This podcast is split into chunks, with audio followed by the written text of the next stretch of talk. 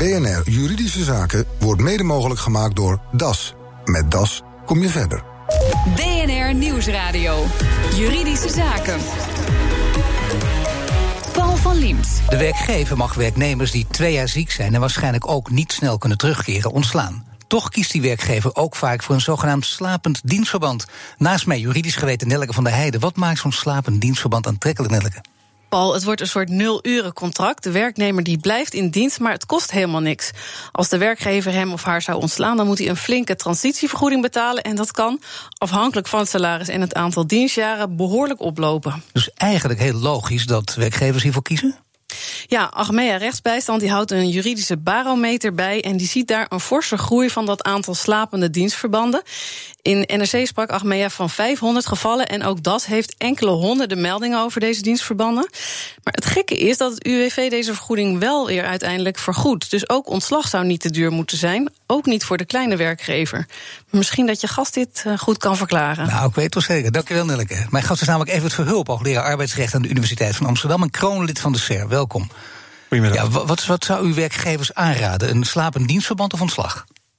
Werkgevers zou ik aanraden om het dienstverband niet te, niet te beëindigen. Dus te laten slapen. Ja, dus altijd die contracten. Dat betekent mensen krijgen gewoon een loonstrookje thuis en er staat op 0 euro. Ja.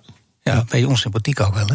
Nou ja, dat hangt er vanaf. Het, het, is, het is niet heel sympathiek. Hè. De vraag is natuurlijk waarom je zou moeten beëindigen. Want uh, als de werknemer weer herstelt, uh, dat kan ook op langere termijn zijn, kan hij zich zo weer bij de werkgever melden, ook voor andere passende arbeid en salarisvragen. Heb je dus geen nul-uren contract eigenlijk Dan voor heb je geen nul-uren contract meer. Hè. De, de nul uren zijn alleen maar op het moment dat de werknemer structureel arbeidsongeschikt is. Ja, toch zijn er ook werknemers die zeggen: ik wil zo'n nul-uren contract niet meer. Daar heb ik Nee, geen dat, zin in. dat begrijp ik zeker nu de wet zo is veranderd. Dat Daarom. bij beëindiging van die arbeidsrelatie de werknemer nu een ontslagvergoeding Want hoe zit die verandering, hoe ziet die er precies uit? Per 1 juli 2015 is de transitievergoeding ingevoerd. Um, kort samengevat is dat een vergoeding die wordt berekend aan de hand van diensttijd en uh, leeftijd van de werknemer. Uh, die kan oplopen tot op dit moment 81.000 euro. Uh, en die vergoeding die wordt uitbetaald aan de, werk, aan de werknemer die ontslagen wordt. En ook aan de werknemer die na twee jaar ziekte ontslagen wordt. Ja, voor wie zou de vergoeding logisch zijn? Of is het voor niemand logisch? Ja, dat is bijna een gewetensvraag. Ik, ik vind ontslagvergoedingen in het algemeen geen goed idee. Uh, maar goed, de wetgever heeft anders beslist en daar waren ook goede argumenten voor. Ik vind het geen goed idee omdat een werkgever die allerhande dingen fout heeft gedaan, natuurlijk moet betalen. Maar een werkgever die alles goed heeft gedaan en vervolgens de arbeidsovereenkomst moet beëindigen. Ja, waarom zou je die nog een, een soort boete moeten geven? Um, de andere kant is dat je natuurlijk wel kunt bedenken dat die werknemer dan nog ergens recht op heeft. Um, en die werknemer zou dan met name ook geholpen moeten worden bij het vinden van ander werk. Nou, dat is ook voor een deel de, de verklaring voor die transitievergoeding. Het mensen in staat stellen om ander werk te zoeken. U zit al heel lang in deze materie, ben niet voor niks hoogleraar arbeidsrecht. En uh, mensen die, die heel lang in het arbeidsrecht zitten, zeggen dan in dit soort gevallen ook: kijk nou eens naar Denemarken, die roepen het Deense model. Daar word je van werk naar werk nee, gehaald en dat is uiteindelijk de oplossing. Nee, nou, ik, ik, ik, heb veel onderzoek gedaan naar Denemarken. Dat Deense model is zo anders dan het Nederlandse model dat het ook niet werkt in Nederland. Daar geloof ik niks van. Dat zou in Nederland dus uh, nooit gaan werken. Het is te nee. veel om daar in detail op in te gaan. Nee. Maar gewoon het idee van, van werk naar werk, dat, dat is in Nederland niet voor elkaar te krijgen. Nou, dat is in Nederland heel, heel slecht vorm te geven. Maar wat er nu gebeurt, is dat een werknemer er ook geen enkel belang bij heeft dat zijn werkgever zoekt naar ander werk of er iets probeert te regelen. Want op het moment dat die arbeidsovereenkomst niet beëindigd wordt, heeft die werknemer ook geen recht op die vergoeding. Maar u zei al, die vergoeding kan oplopen tot 81.000 ja. euro. Dat is een flink bedrag. Zeker, zeker. als je, een, als je in een klein bedrijf werkt en bijvoorbeeld vijf of zes mensen in dienst hebt, heel veel MKB'ers, ja. die klagen daar zeer begrijpelijk ook over. Die zeggen, ja, ik kan ja. dat niet doen. Alleen er lijkt een oplossing in zich, namelijk uh, compensatie van het UWV. Klopt. Ja. Is, dat, is dat een echte oplossing? Um, ja, nou, het is zeker een oplossing voor die kleine werkgevers. Die, die moeten nu, als ze um, in, het, in het geval dat ze nu iemand twee jaar in dienst hebben die arbeidsongeschikt is, uh, dan kunnen ze de dienstbetrekking beëindigen. Um, dat leidt er dan toe dat die werknemer recht heeft op een transitievergoeding. De werkgever betaalt die. En de toezegging van de regering is dat die na 1 april 2020 dan gecompenseerd kan worden door, de, door het UWV. Ja, de toezegging van de regering. Ja. Maar is de regering daar niet wat te snel mee? Want als je op de site van het UWV kijkt en goed blijft zoeken, dan is het niet helemaal duidelijk. Het, dan weet je het nog niet. De wet is gepubliceerd, die staat in het staatsblad. Ja. Hij is nog niet in werking getreden. Nee. Dat moet nog. Er moet, er moet ook nog wat aan uitvoeringsregelen uh, ingevoerd worden. Maar ja, daar zit toch de ander onder het gas? Zeker. Ja, nee, er zijn wel meer wetten gepubliceerd die nooit in werking zijn daarom, dus het is, is de wet DBA, die kennen we allemaal nog. Bijvoorbeeld. Ja, dus, dus, dus ik, daarom was, uw eerste vraag was, wat zou uw werkgevers adviseren? En ik zei toen niet opzeggen, want ik zou dat pas doen op het moment dat ik zeker weet dat ik kan declareren. Ja, toch, wordt het heel troebel, toch is het heel troebel water, want uh, als je nu uh, verschillende media leest, dan staat er alsof het uh, al geregeld is. Hè? Ja, want klopt. de wet is er, kijk maar eventjes, en je krijgt het geld ook terug, en weliswaar ja. met terugwerken, zelfs met terugwerkende kracht Ja, ja die, de, alle ontslagen die zijn gegeven aan werknemers die twee jaar of langer arbeidsongeschikt zijn geweest en een transitievergoeding hebben gekregen, al die, die kunnen worden gedeclareerd vanaf 1 juli 2015. Ja, moet je nagaan. Dus een, en, dat is ook een enorme klap geld. Maar zelfs als het allemaal wel door zou gaan, dan nog is het voor een, voor een kleine MKB heel lastig natuurlijk, want je moet het voorschieten. Je moet het voorschieten, ja zeker. Nou, ja, en dat kan dus ook om 10.000 euro's weer gaan. Ja, dat kan over 81.000 euro weer die 81 ja. zelfs. Ja, ja. En, en het lastige is dat je dat voor moet schieten. Um, uh, daarbij speelt um, op het moment dat je langer wacht met het beëindigen, dus tot na 1 april 2020, zijn er twee effecten. Eén is per 1 januari 2020 wijzigt de berekening van de transitievergoeding. Die is nu nog zo voor oudere werknemers boven de 50 dat ze een transitievergoeding krijgen berekend. Ik ben nu te kort door de bocht op een half maand salaris per dienstjaar. Dat wordt na 1 januari 2020 wordt dat een derde maand salaris per dienstjaar. Ja. En dat scheelt dus heel erg veel geld. Dat is wel zeker, of is dat ook Dat is zeker, ja, want ja. het is duidelijk dat de regeling die die, die oudere werknemer een hogere transitievergoeding geeft, dat die wordt dat die vervalt per 1 januari 2020. Nou ja, we houden dus hele grote rekensommen. Dan heb je daarnaast ook Precies. nog te maken, voor het vergeten, met uh, goed of slecht werknemers- of werkgeverschap. Heeft dat, dat ook in dat dit is, geval nog mee te maken? Ja, ik, ik, dacht, we maken het maar heel, heel langzaam aan steeds ingewikkelder. En het is al ingewikkeld. Nou ja, zo is het ook. Um, dus wat er gebeurt is het volgende. Als je nu een werknemer opzegt, dan heb je de, uh, meestal arbeidsongeschikte werknemers zijn vaker uh, oudere werknemers, niet altijd. Uh, maar als het een oude werknemer is, is die boven de 50. Dus dan val je onder de dure berekening van de transitievergoeding. Op het moment dat je wacht tot na 1 januari 2020, val je onder de goedkopere berekening van de transitievergoeding. Um, vaak kun je kiezen. Want iemand is nu al twee jaar arbeidsongeschikt. Nou, je kunt nu opzeggen, maar je kunt het ook over een jaar doen. Het lastige is dat de diensttijd blijft doorlopen. En ja. uh, de, de, hoogte van de transitievergoeding wordt ook bepaald aan de hand van de diensttijd. Um, de transitievergoeding kun je alleen maar declareren voor het bedrag tot twee jaar ziekte. Dus als je de dienstbetrekking langer laat doorduren en dus daarom een hogere transitievergoeding moet betalen, kun je dat hogere bedrag niet declareren. Ja, dus dat is een incentive ook... voor werkgevers om nu meteen op te zeggen. Zeker, maar ik vroeg ook naar goed of slecht werkgeverschap. Hè? Speelt nou, dat ook nog een rol? Wat, wat verschillende rechtsbijstandsverzekeraars, vakbonden en ook weer andere werknemersadvocaten doen, is nu een werkgeversbriefje sturen en het volgende schrijven. Luister, werkgever, u heeft mijn cliënt in dienst. Mijn cliënt is langer dan twee jaar arbeidsongeschikt. Uh, uh, wij verzoeken u de arbeidsovereenkomst op te zeggen met deze werknemer. Dat kunt u gewoon doen. U krijgt zonder meer toestemming van het UWV. Mijn werknemer komt nooit meer terug, hè, dus u kunt gewoon opzeggen. Um, dan moet u de transitievergoeding betalen. Maar dat is niet erg, want op 1 april 2020 kunt u die declareren. En als u het niet doet, dan handelt u in strijd met uw verplichting om als goed werkgever te handelen. En dat leidt ertoe dat u schadevergoeding aan mijn cliënt moet betalen. En een schadevergoeding is natuurlijk het bedrag aan de transitievergoeding. Maar die schadevergoeding is geen transitievergoeding. Het is ja. een bedrag gelijk aan de transitievergoeding. En die kunt u dus niet declareren bij het UWV. Ja. En dus word je als werkgever heel erg onder druk gezet om nu maar op te zeggen dat je anders die schadeclaim aan je broek krijgt. En als ze die procedures zouden winnen. Ik ver, ik moet een inschatting daarover maken. Ik weet het nog zo net niet. Maar als die procedures zouden winnen, word je dus veroordeeld tot het betalen van een schadevergoeding die gelijk is aan die transitievergoeding, die je niet kunt declareren. Terwijl als je nu opzegt en die transitievergoeding betaalt, dan heeft de regering toegezegd dat je op 1 april 2020 die transitievergoeding wel kunt declareren. Ja, nu weten veel mensen dat het uh, heel goed is ook om met een hoop uh, onveiligheid te leven. Maar een beetje veiligheid zou wel prettig zijn. Een beetje zekerheid met name. Ja. Ook in dit geval, die onzekerheid blijft dus hoe dan ook nog een tijd bestaan. Nou, ja, voor nou beide partijen. Nou ja, de, de, de, vraag is natuurlijk of die regeling per 1 april 2020 inderdaad wordt ingevoerd. Nogmaals, de toezegging van de regering nee, is wel wat waard. Is, nee, de eerste vraag is echt uh, of de onzekerheid blijft bestaan. Die blijft dus, dat, dat kunnen we constateren. Wat er ook gebeurt, er komt niet een versnelling.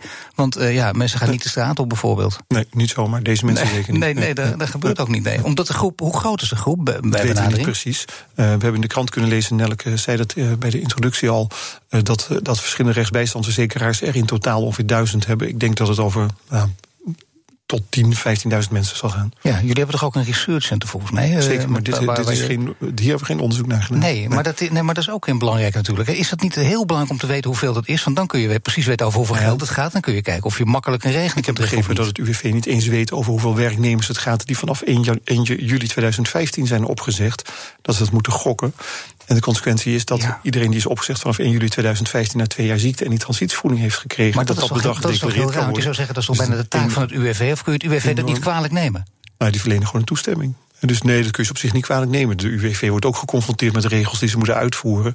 En af en toe worden die regels met terugwerkende kracht of stand te PD ingevoerd. Dus nee, dat Nee, maar goed, op dit soort terreinen waarin mensen gewoon echt heel graag, dat begrijpt iedereen, heel graag willen weten waar ze aan toe zijn, zou je zeggen, nou dan zal er toch even iets moeten oh gebeuren. Ja, dat geldt ook voor werkgevers. Hè. Die willen ook graag weten waar ze voor toe zijn. Voor beide, natuurlijk, werkgevers en werknemers. En is, wie, is, wie heeft hier, iedereen heeft hier problemen mee, omdat ze niet precies weten waar ze aan toe zijn. Maar met name de kleine MKB'er, die zegt, moet je luisteren. We hebben, ik heb vijf, zes mensen in dienst. Je hebt al heel veel problemen aan je hoofd en dan komt dit er ook nog eens bij. En dit is een, een tamelijk essentiële, denk ik. Nou ja, het, is niet, het, gaat over, het gaat over grote bedragen. En, en het lastige is, je hebt al een zieke werknemer. Nou, dat is in een klein bedrijf altijd, altijd al lastig. Uh, 96% van de werkgevers heeft de kosten wel herverzekerd. Maar goed, de premies die je moet betalen stijgen verschrikkelijk. Hè. Dus als iemand ziek is, betaal je al echt heel veel meer. Daarnaast heb je ontzettend veel administratieve lasten.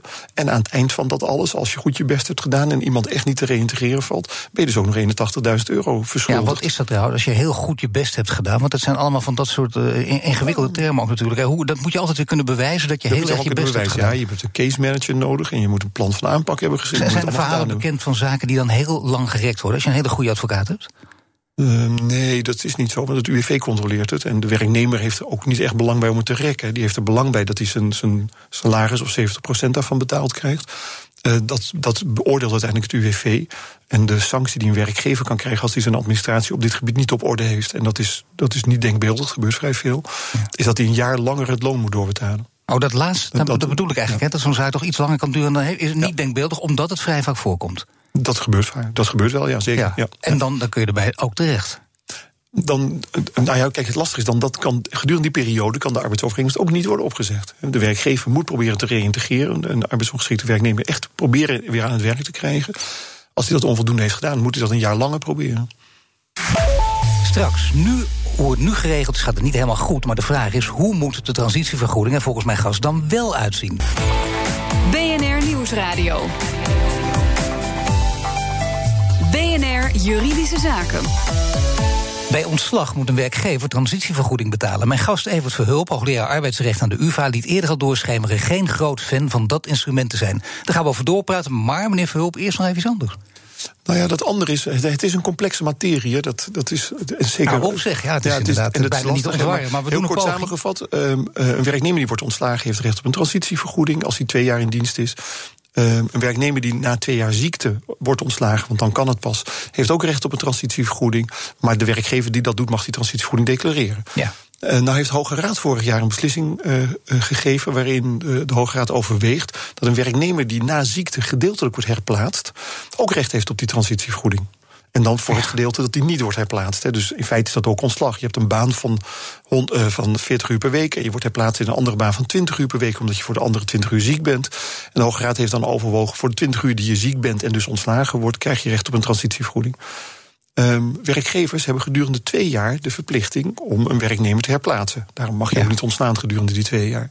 Als een werkgever dat goed doet en het lukt hem om een andere baan te vinden, hij zegt tegen die werknemer: Nou, je bent arbeidsongeschikt, dat is naar 40 uur werkweek, uh, maar je 20 kun je nog aan in een andere functie. We bieden je nu die 20 uur aan. Dan is die werkgever dus over die andere 20 uur transitievergoeding verschuldigd. Die werknemer mag dan nee zeggen als hij denkt: het is gewoon niet passend? Ja, dan moet hij het weigeren. Maar we gaan er even uit dat de werkgever gewoon fatsoenlijk is, is, werknemer ja. fatsoenlijk is en het klopt ja. wat er gebeurt. Ja.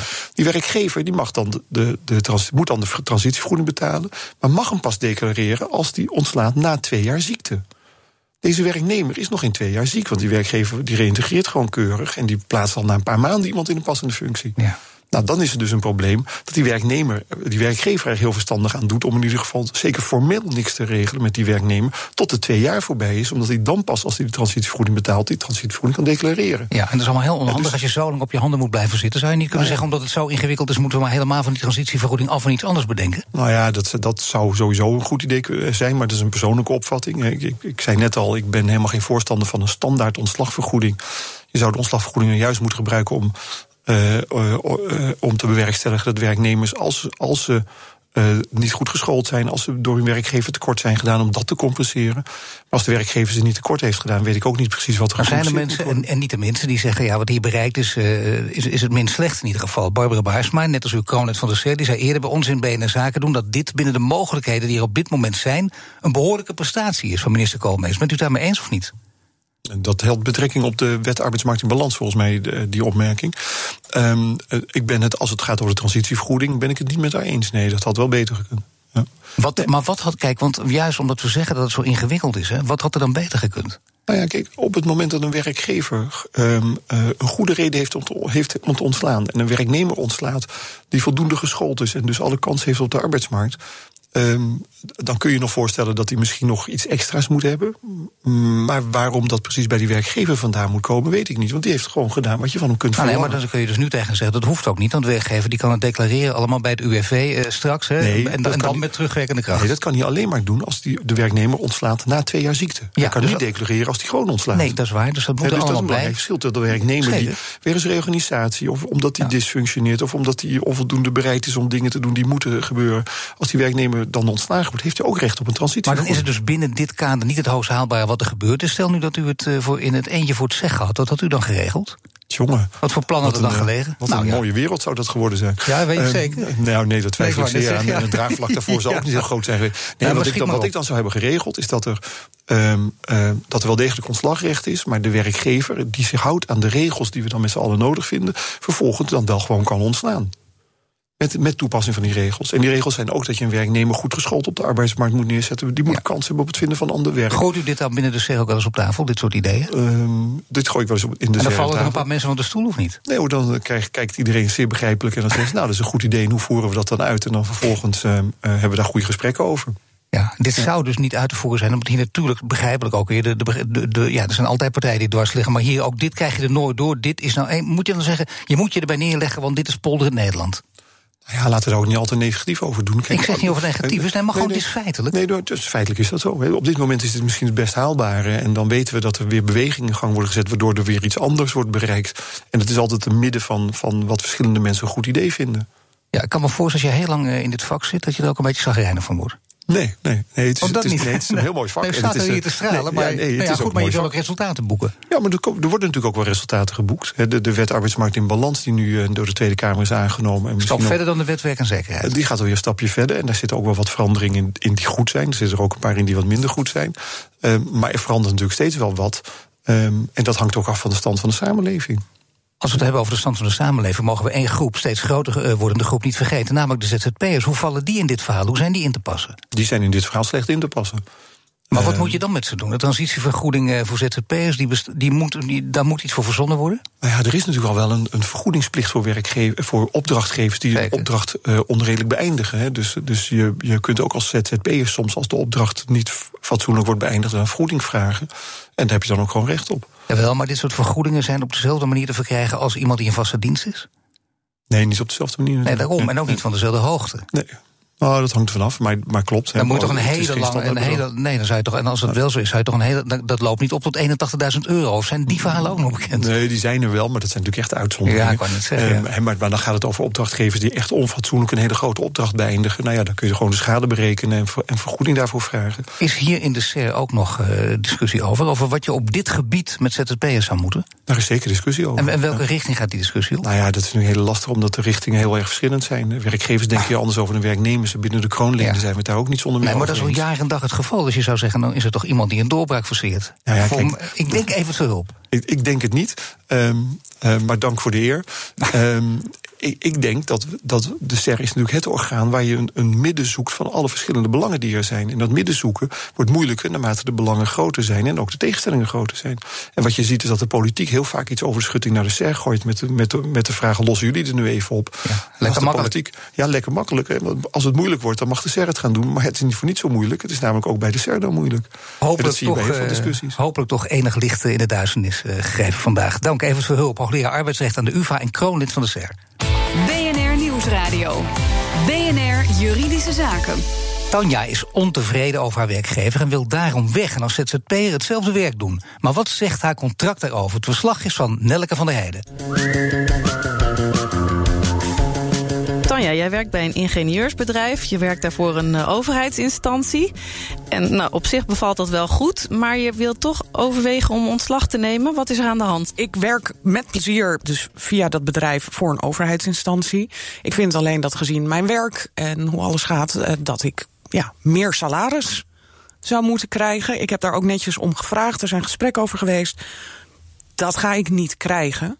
En nu ben ik dus aan het overwegen om dan inderdaad maar ontslag te nemen. En te kijken of er als ZZP'er rechtstreeks voor de overheidsinstantie kan gaan werken. Maar je hebt natuurlijk wat in je contract staan, iets met non-concurrentiebeding. Dat staat er zeker. En niet alleen in mijn contract, want die overheidsinstelling waarvoor ik werk, heeft dat natuurlijk ook met het ingenieursbedrijf afgesproken. Dus het staat in beide contracten. Maar stap ik daar nou uit, uit die loop, als ik als ZZP'er aan de slag ga? Van Gelderen van Van Gelderen Arbeidsrecht Advocaten. Kan Tanja dit plan zoals het voor ogen heeft uitvoeren? Ja, ik denk het wel. Ze heeft inderdaad wel een concurrentiebeding waarin staat dat ze geen concurrerende activiteiten mag ondernemen.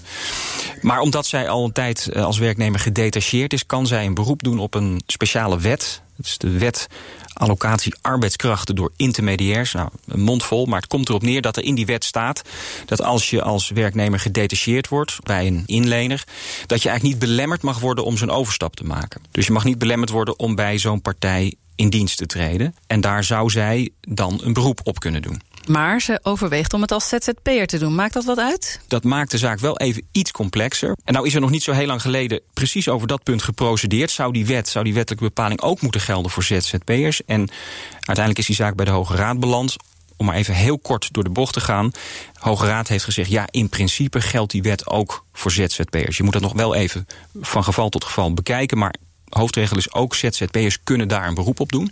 En zij zou dus met een beroep op die wet, in combinatie met de uitspraak van de Hoge Raad, tegen de werkgever kunnen zeggen: jongens, ik sta mijn recht, ik moet deze overstap uh, moet ik kunnen maken. Oké, zij staat dus in de recht, maar ja, die overheidsinstantie heeft ook iets ondertekend en heeft ook aangegeven: oké, wij gaan haar een jaar in elk geval niet in dienst nemen. Ja, dat klopt. Er is ook nog een afspraak tussen, tussen de werkgever en de overheidsinstantie. Als die afspraak een belemmering is, zou dat ook in strijd zijn met diezelfde wet die ik net al even noemde.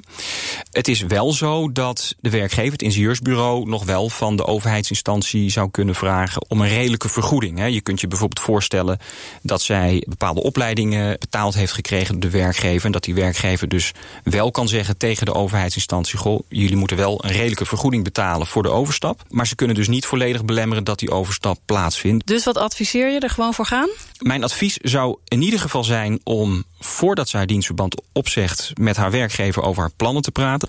Uit te leggen wat ze van plan is en waarom. En ook aan te geven, volgens mij sta ik hier in mijn recht. Dat kun je beter doen als je nog in dienst bent. Als je eenmaal hebt opgezegd, is mijn ervaring, dan kunnen de verhoudingen nog wel eens heel anders komen te liggen. En wordt het misschien alleen maar moeilijker. Dus bespreek het eens met je werkgever. En dan zou ze wat mij betreft daarmee die overstap moeten kunnen maken. Dat zegt Maarten van Gelder in een verslag van Nelleke van der Heijden. Heeft u ook een juridische vraag? Mail hem naar juridischezaken.bnr.nl. Dit was de uitzending voor vandaag. U kunt de show terugluisteren via de site, de app, iTunes of Spotify. Mijn naam is Paul van Diemt. Tot de volgende zitting. BNR Juridische Zaken wordt mede mogelijk gemaakt door DAS. Met DAS kom je verder.